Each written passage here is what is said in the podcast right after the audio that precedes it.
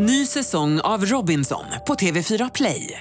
Hetta, storm, hunger. Det har hela tiden varit en kamp. Nu är det blod och tårar. Fan händer just nu. Det. är Detta är inte okej. Robinson 2024, nu fucking kör vi! Streama söndag på TV4 Play. Radio play.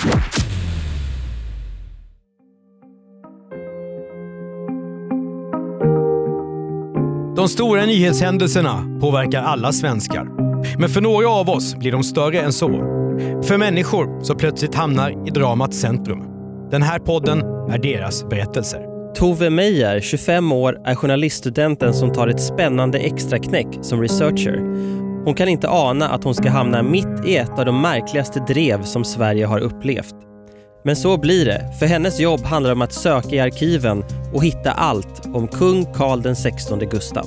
Välkommen till Jag var där. En podcast från Radio Play av Andreas Utterström och Mattias Bergman.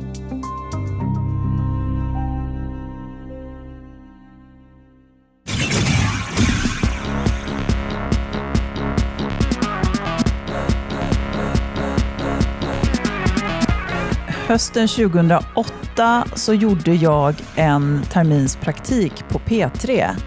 Eh, jag var lite lost där i Radiohuset kan man säga, bland eh, hipsters och andra väldigt, väldigt kunniga människor. Eh, jag kände att jag inte bidrog sådär jättemycket till redaktionen, vilket jag säkert gjorde, men jag hade inte världens bästa självförtroende. 2008 är Tove Meyer 25 år gammal och journalistpraktikant på Sveriges Radio P3. Hennes ambitioner är höga. Hon drömmer om att producera stora program som Musikhjälpen. Men ännu är hon i början av sin karriär i de mycket långa, grå och ekande public service-korridorerna. Tove kontaktas av sin lärare. Han minns ett grävarbete där hon gjorde bra ifrån sig på journalistutbildningen och frågar om hon är intresserad av ett extra jobb. Ett projekt där det behövs hjälp med research. Alltså att leta fram korrekta fakta ur bra källor. Tove Meyer går på möte. Jag minns att han kom som ett yrväder. Han tar ett rum kan man säga, med sin eh, personlighet och sin utstrålning. Jag var ganska imponerad, inte minst av hans klädstil. Jag tror att han hade några krokodil skinnskor på sig och någon häftig snygg bläser. Han var alltid otroligt välklädd och det, det var mitt första intryck, att han var vältalig, välklädd, han var häftig och jag kände bara wow, vad är det här för någonting? Detta är Thomas Sjöberg, en mycket erfaren journalist och författare känd för sina personporträtt av kända och omstridda svenskar. Sjöberg har skrivit uppmärksammade biografier om IKEA-grundaren Ingvar Kamprad och porrkungen Bert Milton. Thomas är ju en, väl, han är ju en jättebra värd. Han har ju det här i sig väldigt så utåtriktad, han är kompetent och rolig och samtidigt lite så här edgy. Så att inte alla som riktigt kan ta att han har den här eh, vad ska man säga, utstrålningen. Thomas Sjöberg berättar för Tove Meyer vad han behöver hjälp med. Han ska skriva en biografi om kung Carl XVI Gustav. Först tänkte jag så här, ja men det passar ju jättebra. Jag jobbar ju extra på Drottningholms slott. Jag gillar ju kungafamiljen. och sen sa han att det här är ingen typisk eh, insmickrande eh, kunglig biografi, utan det här är, vi ska ta honom på allvar för första gången.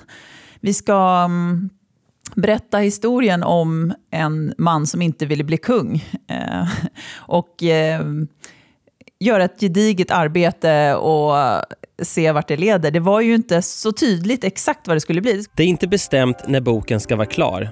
Det får ta den tid det tar. Men Tove Meyer får en lista över olika faktauppgifter som redan nu behöver tas fram. Vid nyår 2009 drar hon igång. Eftersom hon samtidigt är projektanställd på Sveriges Radio berättar hon om sidouppdraget där. Ingen reagerar, mer än att det verkar roligt för henne. Projektet låter ganska harmlöst. Du som till och med jobbar på Drottningholm, säger kollegorna. Tove Meyer arbetar vidare med bokresearchen från sin lilla lägenhet i Nockeby i Bromma. Därifrån ser hon nästan till Drottningholms slott där kungafamiljen bor. Det var ganska mycket sådär riktigt klassiskt gammaldags, hederligt researcharbete. Det var till mångt och mycket att fakta kolla saker. Så här. Det finns, han krockade i någon ort i någon rondell. Finns det, något, eh, om, finns det någon polisanmälan kring det? Eh, Thomas kom liksom med, med listor och jag gav honom väldigt mycket um, pressklipp, eh, allt, ja, en massa ganska, egentligen inte speciellt kontroversiella uppgifter alls faktiskt. Uppdraget är tydligt och det är syftet med boken också. En rak och redig biografi över Sveriges statschef. Med tesen “Mannen som blev kung mot sin vilja”. Carl Gustav, född 1946, ville egentligen bli bonde. Men som ende pojken bland fyra systrar tvingas han acceptera sin lott i livet och bli kung. Men det här ska bli ett bokprojekt som förändras. Sommaren 2009 har Tove Meyer varit igång i några månader. Då kommer ytterligare en författare in i gruppen, Diane Rauscher. Vi sågs ju i Gamla stan vad jag kan minnas på en fika för att eh, det, det, var ju så att Thomas hade uppmärksammat att det fanns andra Alltså det var ju verkligen på den här tiden, det låter som det var så länge sedan, men att man gick in på Flashback och kollade olika trådar. Jag tror att i researcharbetet satt man bara och, och liksom läste allt som hade skrivits. Och då, då uppmärksammade Thomas att det var, någon det var en kvinna eller en, ett alias som hade väldigt mycket kunskap som verkade vara ändå rätt trovärdig, för det finns ju mycket som, inte, som man bara sållar bort. Ja, tydligen kan man träffa sin nästa kollega på nätforum som Flashback. Diane Rauscher har en egen idé om att skriva en bok om kungen. Så nu bestämmer sig hon och Thomas Sjöberg för att samarbeta och skriva den tillsammans istället. Och jag minns bara henne som en väldigt häftig, spännande personlighet. Så när, när jag tänker på oss tre tillsammans så är det väldigt udda karaktärer. Men det var en väldigt brokig trio liksom. och jag kände, hur ska det här gå? Tove tänker sig att hon ska stå med i en tacklista längst bak i boken. Inte mer än så. Att hennes namn kommer att stå på omslaget kan hon inte föreställa sig. Men Tove Meyer ska snart gå från att vara inhyrd researcher till att få en större roll. Och materialet som ska bli till boken Den motvillige monarken visar sig också handla om helt andra saker än kungens studentliv och gamla fortkörningar. Projektet blir explosivt. Jag kände ändå att det här är liksom någonting som ligger och det är någonting som ligger och pyr. och det var en känsla av att har vi verkligen kontroll över det här? Hur, hur går man vidare? Och att jag kände mig väldigt, väldigt... Alltså jag var så naiv. Jag, jag hade liksom ingen aning om vad det var för krafter som man pockade på och försökte dra igång. Jag kände att jag hela tiden bara... Jag trodde inte att jag skulle vara publik utåt när boken väl kom. Jag var ju bara en researcher. Jag skulle ju stå med kanske i tacket på slutet. Som före detta socialarbetare har Diane Rauscher träffat utsatta kvinnor i många år. Och det är så hon har fått idén till en bok om kungen. Hon har nämligen uppgifter om hur Sveriges statschef och hans nära vänner har umgåtts med kvinnor från studietiden och fram till nu. Man, man fick höra så mycket stories. Det var som att vi lyfte ju liksom på locket. På, och, och, från olika håll, överallt fick man till sig berättelser. Men jag kände att jag vet inte hur jag ska härbärgera alla de här, det här eh, lösryckta citaten från människor. Men någonstans börjar man ändå lägga en bild att det som vi publicerade, det är toppen på ett isberg. Liksom. Thomas Sjöberg, Diane Rauscher och Tove Meyer är tre mycket olika personer. Men en bra grupp kan utföra stordåd och dynamiken är viktig. De skrattar mycket tillsammans under arbetets gång. Den extroverte Thomas Sjöberg och den ihärdiga Diane Rauscher kompletterar varandra.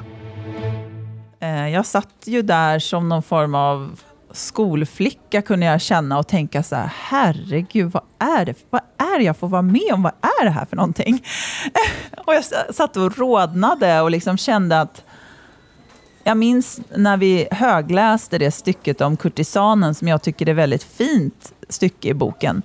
Och jag kände så här, det här är väldigt bra skrivet också av Thomas. Kurtisanen, artisten Camilla Henemark, är en av de kvinnor som har rört sig i kretsen nära kungen. Men nu har hennes stjärna dalat och hon är sedan länge inte längre välkommen till festerna. Och det är bara ett exempel av många som författartrion får fram. Kungen och hans vänner ur den svenska överklassen umgås gängmässigt. De lär kalla sig för Sörmlands vänner eller Gubbtolvan beroende på i vilket sammanhang de festar och vilka som deltar i tillställningarna. Nej, men det är väl många som har eh, känt varandra sedan studietiden och långt bak i sen barnsben och liksom att man har, man har upprätthållit en viss typ av leverne, ett visst typ av festande. Eh, och det har varit en det har varit liksom kutym att eh, man ses och man eh, det, det, det, som har, det som slog mig då var ju att det inte var på de här flashiga ställena som man tyckte om att umgås, utan det var ju alltid att man ville, man ville vara som alla andra på något sätt. Och det kan jag tänka mig kanske var monarkens vilja också, att eh, kunna sitta ner och prata med en vanlig dödlig, en vanlig tjej från förorten. Liksom. Vissa specifika eh, beskrivningar om vad som hade hänt på fester och sånt blev jag mest eh, chockad över. Beställa in kvinnor till kaffet ja.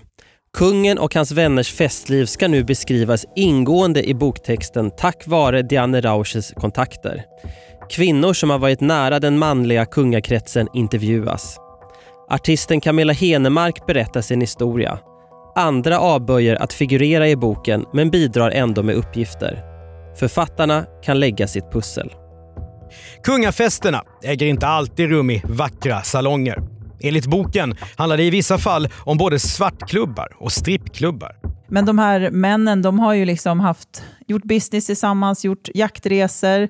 De har eh, olika slutna sällskap, Sörmlands vänner, åkt på hundsläde, liksom de här årliga festerna och där man har haft den här liksom, lilla Jokern Christer Gustafsson som en form av festfixarkille i periferin som har eh, bidragit med underhållning av olika typer av slag. Rykten, vaga uppgifter, ord i flykten. Men hur ska uppgifterna värderas? Vad har egentligen hänt och hur berättar man om det på rätt sätt i bokform? Tove Meyer, Thomas Sjöberg och Diane Rauscher är noggranna. Att sprida falska rykten om kungen är lockande för en lösmynt person. Men det här är något annat. De samtalar med många som har mött kungen, dagtid som nattetid. Tove Meyer träffar till och med ett par av kvinnorna vid ett midsommarfirande. Att kungen skulle ha haft kärleksaffärer utom äktenskapet och ett mycket aktivt partyliv är inga nya rykten. Det skrevs ju en eh, artikel på 70-talet i pockettidningen R som också handlade om just hur en säker, eh, säkerhetspolis skulle fixa brudar till kungen i New York om jag inte minns fel. Och liksom att det bara rinner på något sätt ut i sanden och eh, det är som att män gör som män har gjort i alla tider.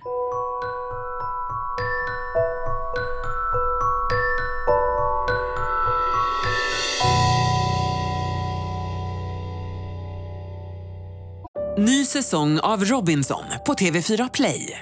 Hetta, storm, hunger. Det har hela tiden varit en kamp. Nu är det blod och tårar. Fan händer just nu. Det. är Detta är inte okej. Robinson 2024, nu fucking kör vi! Streama söndag på TV4 Play. Poddtips från Podplay. I podden Något Kaiko garanterar östgötarna Brutti och jag, Davva, dig en stor dos skratt. Där följer jag pladask för köttätandet igen. Man är lite som en jävla vampyr. Man har fått lite blodsmak och då måste man ha mer. Udda spaningar, fängslande anekdoter och en och annan arg rant. Jag måste ha mitt kaffe på morgonen för annars är jag ingen trevlig människa. Då är du ingen trevlig människa, punkt. Något Kaiko, hör du på Podplay. Därför är gardinerna. Nu föds också idén om att Tove som ung kvinna skulle kunna ta en mer aktiv del i researchen.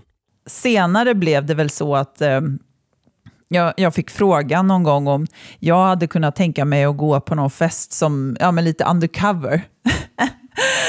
Vilket jag inte gjorde.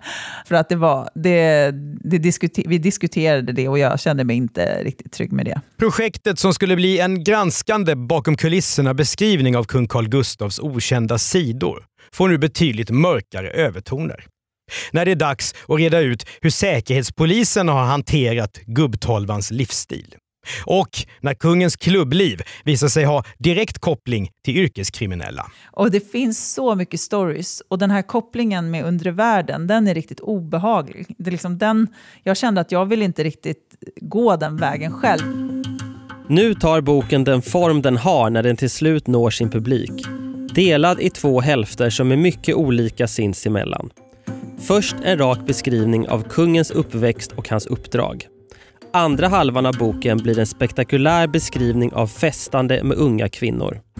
Det sista kapitlet, En kungaväns bekännelse, är en intervju med Christer Gustafsson. Han är den av Karl XVI Gustavs vänner som ska ha fixat kaffeflickorna och gå med på att träffa författarna. Han säger att kungens partykompisar är oroliga över vad som kommer att stå i boken. Förläggaren Kristoffer Lind på bokförlaget Lind Company styr trion och ser till att det granskande perspektivet behålls. Det ska vara ett journalistiskt grävjobb, ingen skvallertext.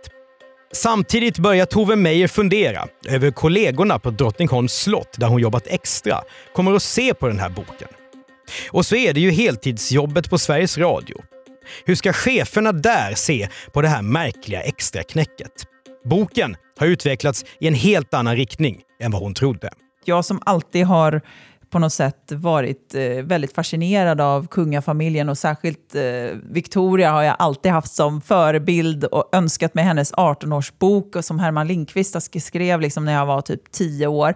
Suttit och läst den. Och, alltså jag har alltid fascinerats och hur kommer jag vara svartlistad nu? Eller hur alltså jag, jag tror att jag hade sådana tankar, eller så var jag bara helt så här, nu kör vi. Det kan lika gärna ha varit så. Tove Meyer står för researchen. Thomas Sjöberg och Diane Rauscher skriver. Först har de jobbat enskilt, men när skrivprocessen blir mer intensiv sitter Sjöberg och Rauscher tillsammans. Oktober 2010 har projektet pågått i två år. Få böcker som skrivs i Sverige jobbas fram under så lång tid. Men nu ökar tempot. Det skapas ett tryck på att boken måste komma ut. På sommaren har kronprinsessan Victoria gift sig med Daniel Westling. Och nu väntas prinsessa Madeleine gifta sig. Det passar inte bra om boken kommer mitt emellan de här bröllopen.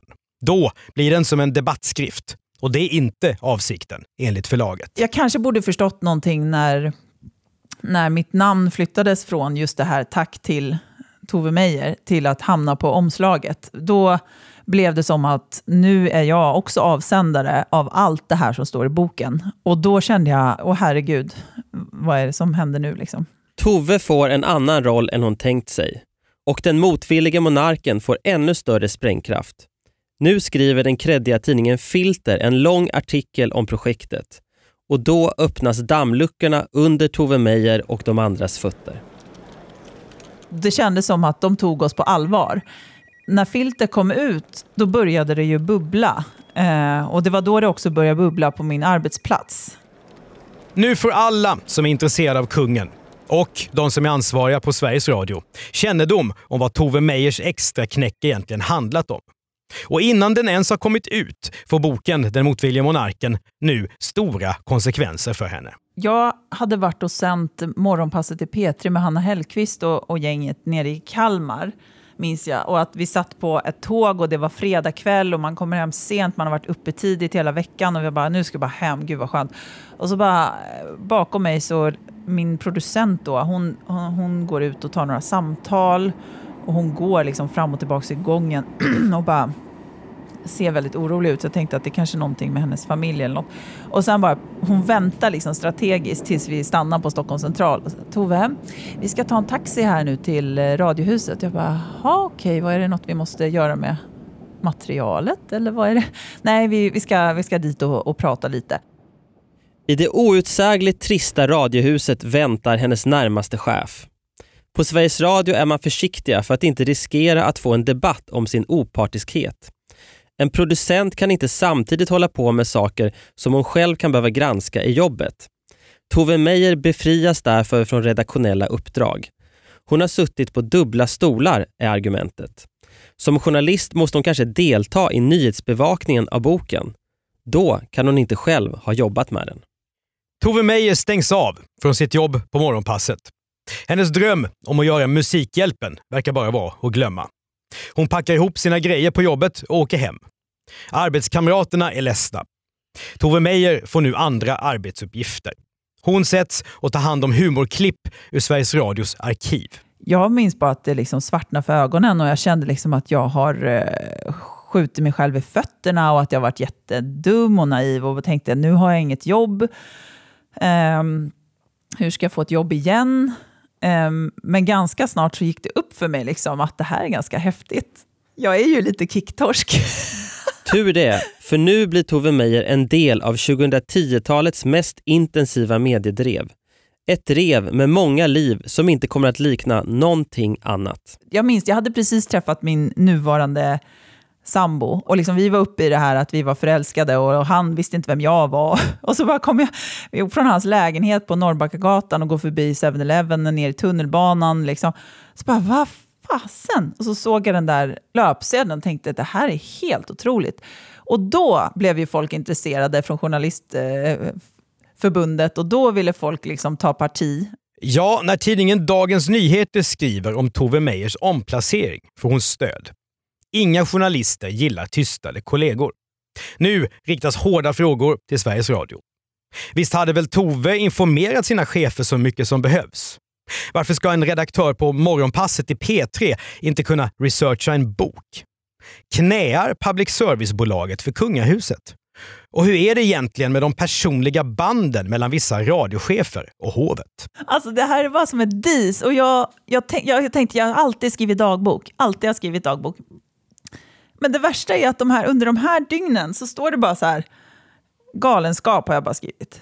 Uh, och sen har jag skrivit så här, det här är helt sjukt, jag, jag skriver igen om några veckor. Och jag kan inte för mitt liv minnas. Jag, jag minns liksom att jag var hemma i, Johans lägenhet på Norrbackagatan och att jag liksom låste in mig där och på något sätt kände sådär att jag kanske aldrig mer kommer få ett jobb. Så är det inte riktigt. För uppmärksamheten stärker Tove Meyers aktier på arbetsmarknaden.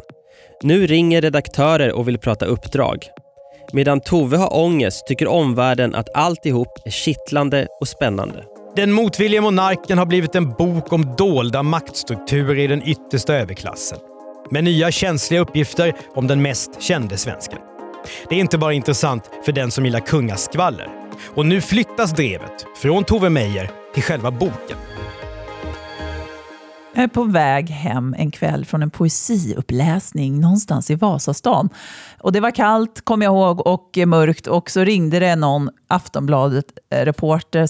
Eh, och, så, och så frågade han bara, är du medförfattare till den här boken som ska komma ut? Är det sant att du har jobbat på Drottningholms slott? Och då kände jag bara att det liksom, jag, jag blev helt...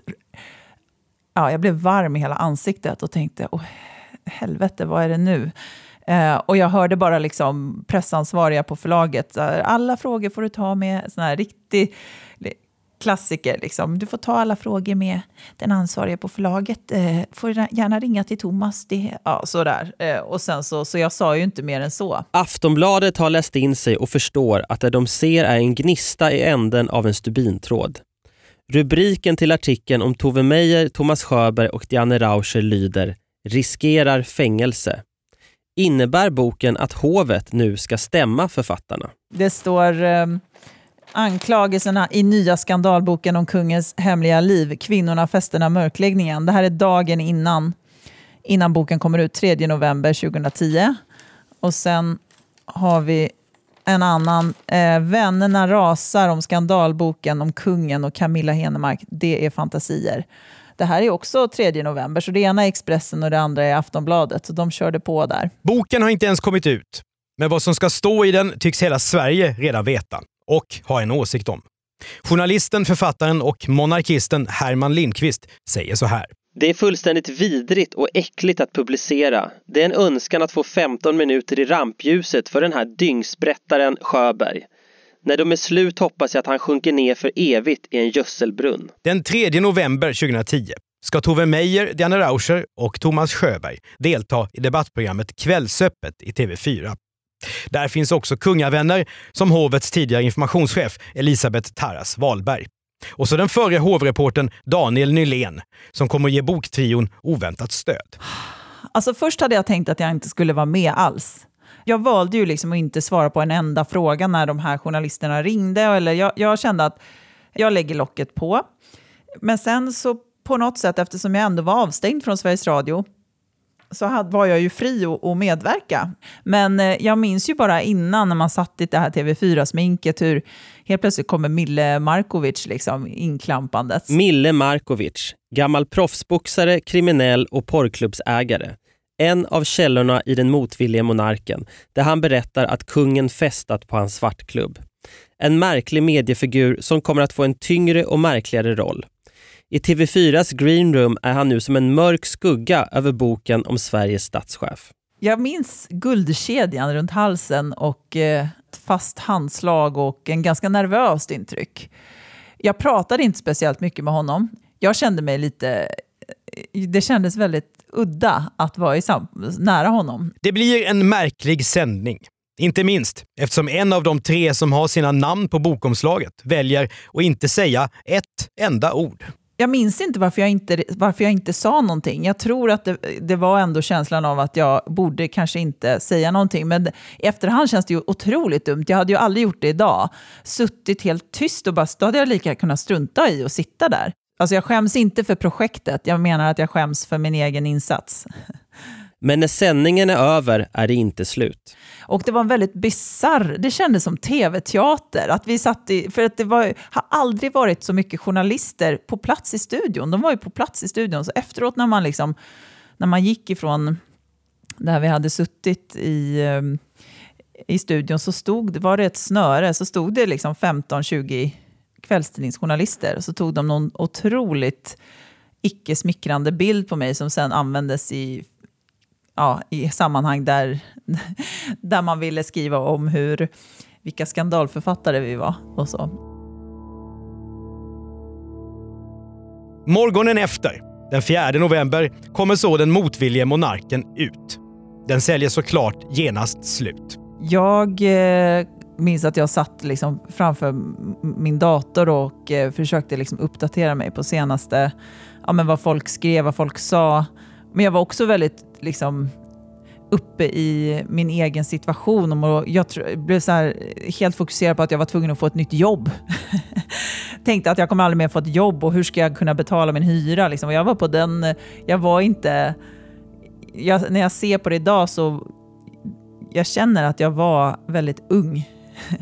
Få inköpare i bokbranschen har trott på den motvillige monarken, men de har haft fel. Och när svenskarna nu själva kan läsa och bilda sin åsikt fylls varenda lunchrum, internetforum, tidning och tv-sändning av diskussioner om kungaboken. Thomas Sjöberg, Diane Rauscher, Tove Meyer och förlaget Lind Company är i epicentrum av en medial jordbävning. Alltså, vi har ju en, ett, en kärntrupp Eh, i en mejlledes som består av en, en, eh, ja, men förlaget och eh, en pressa, presskontakt och en, lite mer, en strateg och sen så vi tre. Och det, det, är, ju, det är ju väldigt mycket så här hejarop och nu kör vi och det här, känns, det här är väldigt bra för oss, det här är inte bra för oss och vi får hela tiden analyser. De har blivit ett slags kändisar. Som journalister är de vana att beskriva andra. Nu får de lära sig vad det kan innebära att själva figurera i medierna. Alltså jag, jag vet ju att det finns trådar om hela kungaboken och eh, om eh, Thomas och även om Diane. Och sen så hittar jag en tråd, jag vet inte exakt i vilket sammanhang. Eh, jag vet att, jag vet att den finns och sen så, och så börjar jag läsa och då känner jag väl mer en, en fascination och en avsky och tänker att vilka är de här människorna? För det är uppenbart någon som, ja, men någon som jag känner. Liksom. För att det är väldigt... Eh, privata uppgifter om min familj. Och, eh, jag menar, det var ju också såna här judiska konspirationsteorier kring mitt och eh, Dians efternamn. Liksom att nu är det en judisk konspiration. Meir Rauscher som vill störta monarken. Det, det, var väldigt märkligt och udda att läsa. Och samtidigt så känner jag också sådär att det är klart att det här, det är ju liksom, det här är bara en liten en liten örfil om man jämför med det som Thomas har varit med om, att bli liksom uthängd verkligen på nätet och, och även haft svårt att liksom få andra uppdrag efteråt. Så att, um, men jag skämdes ju väldigt mycket för att, att läsa det som stod. De som inte nöjer sig med att skriva om henne vänder sig istället direkt till Tove. Nej, men det är ett handskrivet brev till min adress, eh, poststämplat i Stockholm. Hej Tove, du kan ju alltid skriva en grisbok om Silvia också. Och sen om kungabarnen i turordning. Det kan man ju bli både rik och berömd på. Det kallar jag stor journalistik. Lycka till! Från någon Fredrik.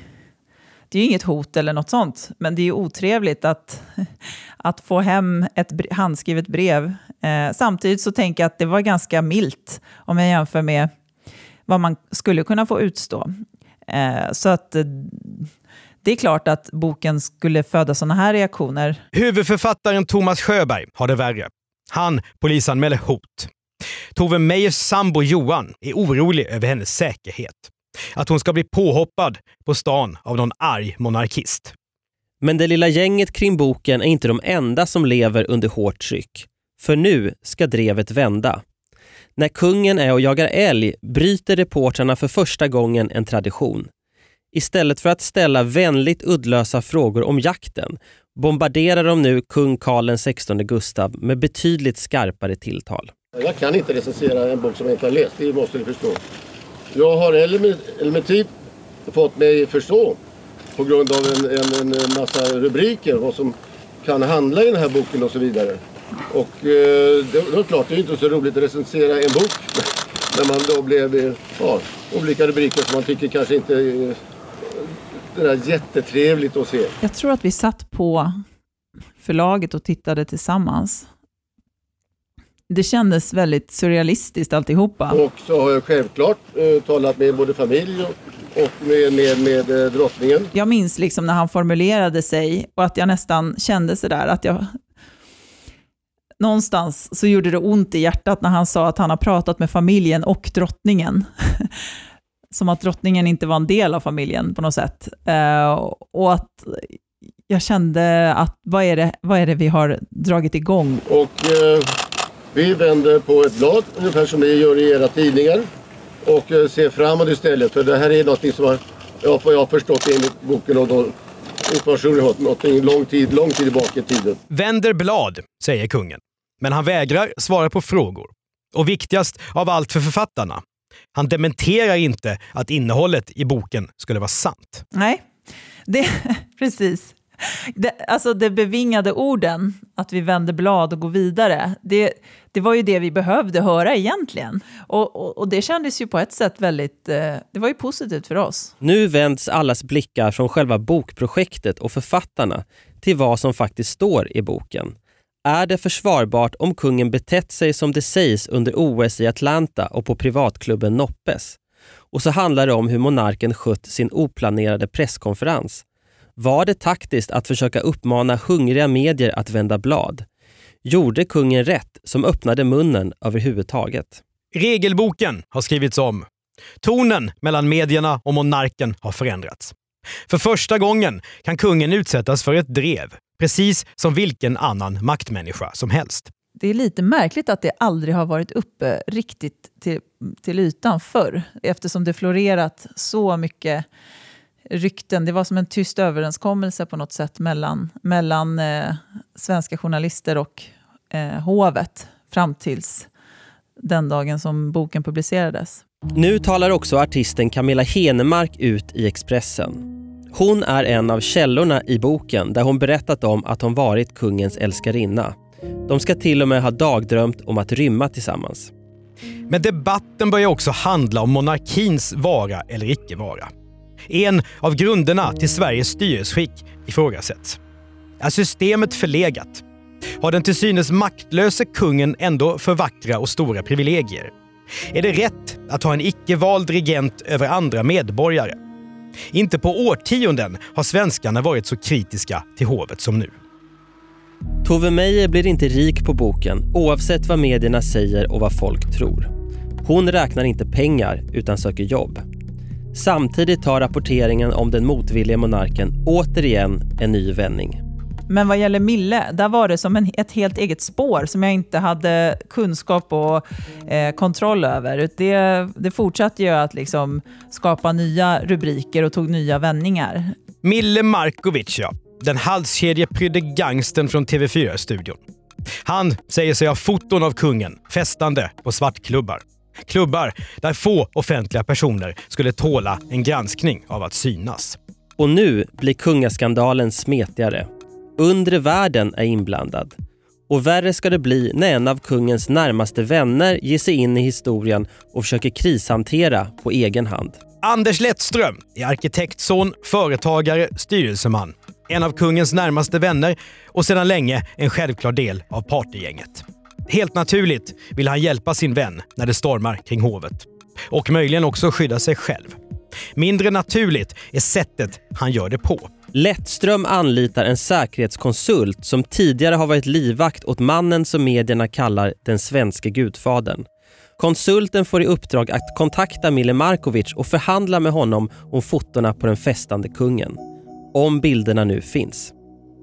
Kungens vän vill alltså utöva påtryckningar med hjälp av en högst tveksam person. Avslöjandet sker i Sveriges Radio. Fem dagar efter kungens presskonferens den 9 november förra året hålls ett möte på ett kontor i Stockholm. Den i Sverige utpekade gangsterledaren träffar direktören och som är en av kungens närmaste vänner. Men hur vill du att jag ska gå vägen nu? Ska jag, ska jag ta upp kontakten och fråga? Och jag tycker du ska ta upp kontakten och sen ska du försöka få reda på vad är agendan, vad vill han och vad har han. Bra. Det kändes ju väldigt skönt på något sätt. Också att det var ett sånt forum som Sveriges Radio som jag tror var de första som publicerade det. det var att det var eh, Ekot till och med. Att helt plötsligt så kommer det upp till ytan att ja, men det är faktiskt så här man, man kohandlar i den här världen. och jag var otroligt eh, fascinerad bara och tänkte hur ska kungahuset ta emot det här? Det är ett halvår efter att boken släpptes, men den motvilliga monarken skördar fortfarande offer i offentligheten. Kungen är Sveriges statschef och ordförande i utrikesnämnden. Det betyder att han har insyn i känsliga relationer till andra länder. Han skulle kunna utpressas av människor med onda avsikter om han förekom på komprometterande bilder. En hårresande tanke. Jag tänker att nu har, nu har boken ändå fått någon form av eh, effekt och att det är ganska skönt att på det sättet som man har slagit ifrån sig och de här eh, kungavännerna, hur de har tänkt att de kan nog fortsätta liksom, agera på det sätt som de har gjort under de senaste 40 åren.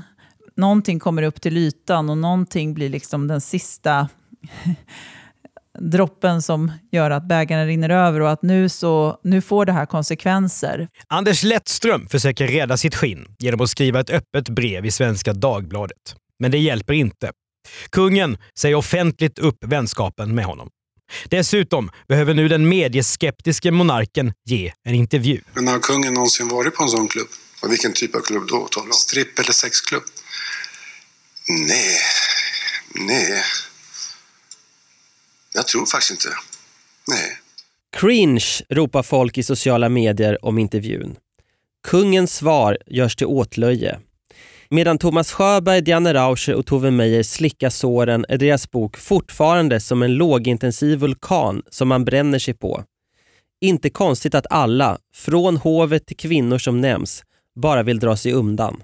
Utom Mille Markovic. Han fortsätter berätta för kvällstidningarna att han har foton av kungen tillsammans med lättklädda kvinnor. Vad är det vi ser på bilderna? Vi ser eh, en erotisk uppvisning där den högste sitter och njuter av sällskapet. Jag hade hört florerat att det fanns bilder, men jag hade också fått till mig att de här bilderna är ju och det vet jag inte om det är sant, för det här har jag inte koll på. Liksom. Men, och att de hade manipulerats just för att de skulle se fejk ut. Men jag satt ju och väntade där lika mycket som alla andra. Vad är det för bilder han har? Tidningen Expressen publicerar till slut bilden. Debatten blir hård. Har kvällstidningen betalat den tvivelaktige Markovic för bilden? Och är inte fotot manipulerat, som experterna säger? Med Mille och allt det efterspel, där, där kände jag att eh, att jag, ehm, jag hade inte möjlighet att hänga med i alla svängar. Det som, liksom, det som boken satte igång, alla de liksom, effekter kring det, eh, det som hände med eh, kungavännerna Anders Lettström. Alla, ja, nej, det var väldigt svårt att ta in. Från spritfester till otrohet till kvinnohistorier. till att kungen skulle vara en säkerhetsrisk.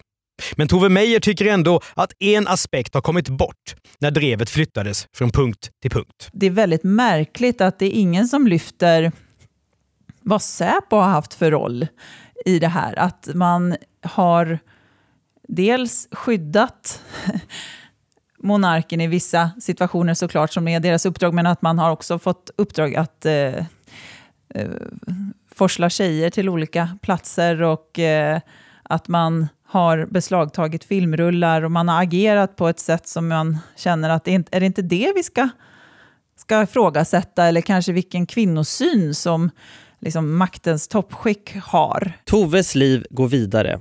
Hon får till slut arbeta med Musikhjälpen på Sveriges Radio. Under tiden har Thomas Sjöberg svårt att få uppdrag. Och Diane Rauscher, hon skriver en ny bok, Mille Markovics biografi.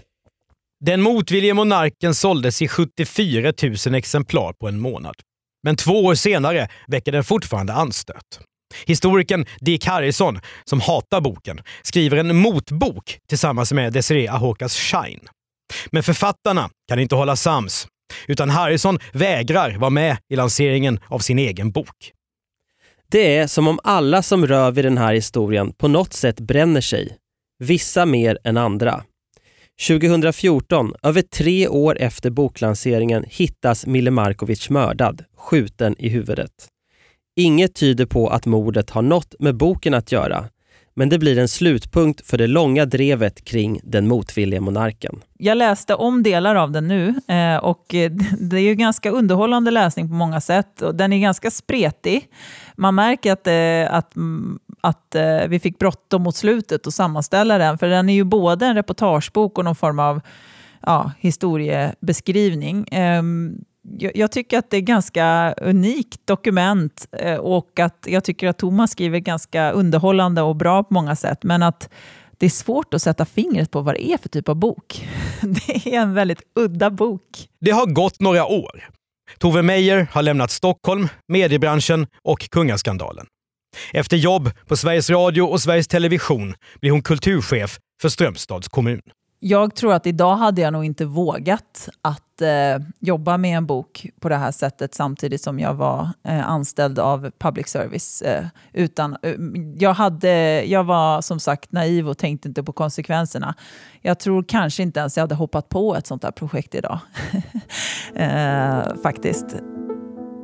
Men eh, det är ju med facit i hand och jag är glad att jag gjorde det. Så hur tänker Tove Meyer idag kring vad boken egentligen ledde till? På ett sätt var det ju inte förvånande för det är någon form av medielogik i att när man för första gången eh, berättar om de här miljöerna och beskriver eh, kungen på det här sättet och hans eh, förfaranden och hans vänner så är det klart att det är svårt som...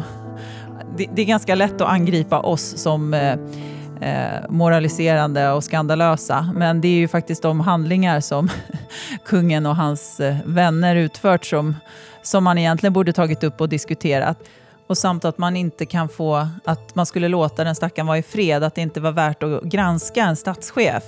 Liksom om, om statsministern hade blivit granskad på det här sättet eller om det hade kommit fram en tiondel av det som kom fram så hade den personen troligen avgått. Men just i det här fallet så finns det ändå någonting som är som nedärvt, att vi ska ha det här vördnadsfulla tanke, eh, liksom, vördnadsfulla inställningen till, till vår monark. Hon är 36 år nu. Projektet är över 10 år gammalt. Det gör det enklare att reflektera. Jag kände väl där som 25-åring, en arg tjej som man själv hade blivit kanske trampad på vid några tillfällen i livet, att jag på något sätt också naivt hade någon känsla av att jag ville eh, påverka och dra ner byxorna på när gubbar beter sig olämpligt. Och eh, samtidigt som jag, jag, upplever ju någon form av eh, skam kring hur naiv jag var. Men jag tycker att alla anekdoter är väldigt roliga. Men när hon själv hamnade i drevet blev hon förvånad och kunde inte förutsäga hur hon skulle beskrivas eller vad nästa artikel skulle handla om. Ja, det, det känns väldigt overkligt alltihop och som sagt idag, om jag hade varit med i ett sånt här projekt idag så hade jag ju inte tagit den här rollen som jag tog på något sätt. Någon gång har det hänt att Tove Meyer fått stela blickar när hon mött kvinnor nära hovet i sociala sammanhang. Å andra sidan får hon också ibland positiva kommentarer om den motvilliga monarken. Under några år var det liksom känslan av att det är skönt att ha det här bakom sig på något sätt. Att man har stängt boken. Men sen så bubblar det upp på olika sätt igen. Tove Meyer vet inte om hon förlorade chanser till jobb på grund av boken. Men en kuriös konsekvens av den motvilliga monarken är helt klar. Ordet kaffeflicka blev odödliggjort. Det är som att män gör som män har gjort i alla tider. Det är svårt att ha två tankar i huvudet samtidigt. Är den här mannen god eller ond? Man lyssnade inte på offren och faktiskt det finns ju offer i den här berättelsen och det är ju faktiskt de här. Det är klart att många kvinnor gjorde det här av egen fri vilja, men jag tror inte så många av de unga tjejerna mådde så här jättebra. Kungafamiljen, som Tove Meyer själv gillade, har klarat sig alldeles utmärkt. Svenska folket vill inte avskaffa monarkin. Och det beror inte minst på generationen efter kung Carl Gustaf. Det var väl några år där som kungahuset fick sig en törn, men sen så blev det fler bröllop, ännu fler fina barn och eh, man överlevde. Och jag tror att eh, det här var ju aldrig som sagt någon, det var aldrig meningen att fälla monarkin, men däremot att ställa frågor om en rutten kvinnosyn. Du har hört ett avsnitt av Jag var där, en podcast från Radio Play av Mattias Bergman och Andreas Utterström. Exekutiv producent Jonas Lindskov. På Radio Play kan du också höra våra andra poddar. Misslyckade brott, misslyckade affärer och misslyckade makthavare. När vi inte gör dem kallar vi oss för commercial content och hjälper företag att berätta om sig själva. Och gör då podcasten världens bästa innehåll. Betygsätt gärna podden och prenumerera på den. I din poddspelare så är det fler som hittar till den. Du kan också höra av dig till oss med tips på case vi borde ta upp till jagvardar.bplus.se. I avsnittet har du hört klipp från intervjuer i Sveriges Television, tidningen Expressen och TT.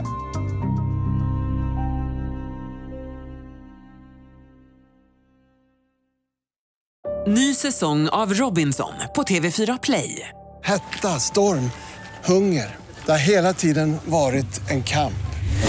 Nu är det blod och tårar. Fan händer just nu. Det. är Detta är inte okej. Robinson 2024, nu fucking kör vi! Streama söndag på TV4 Play.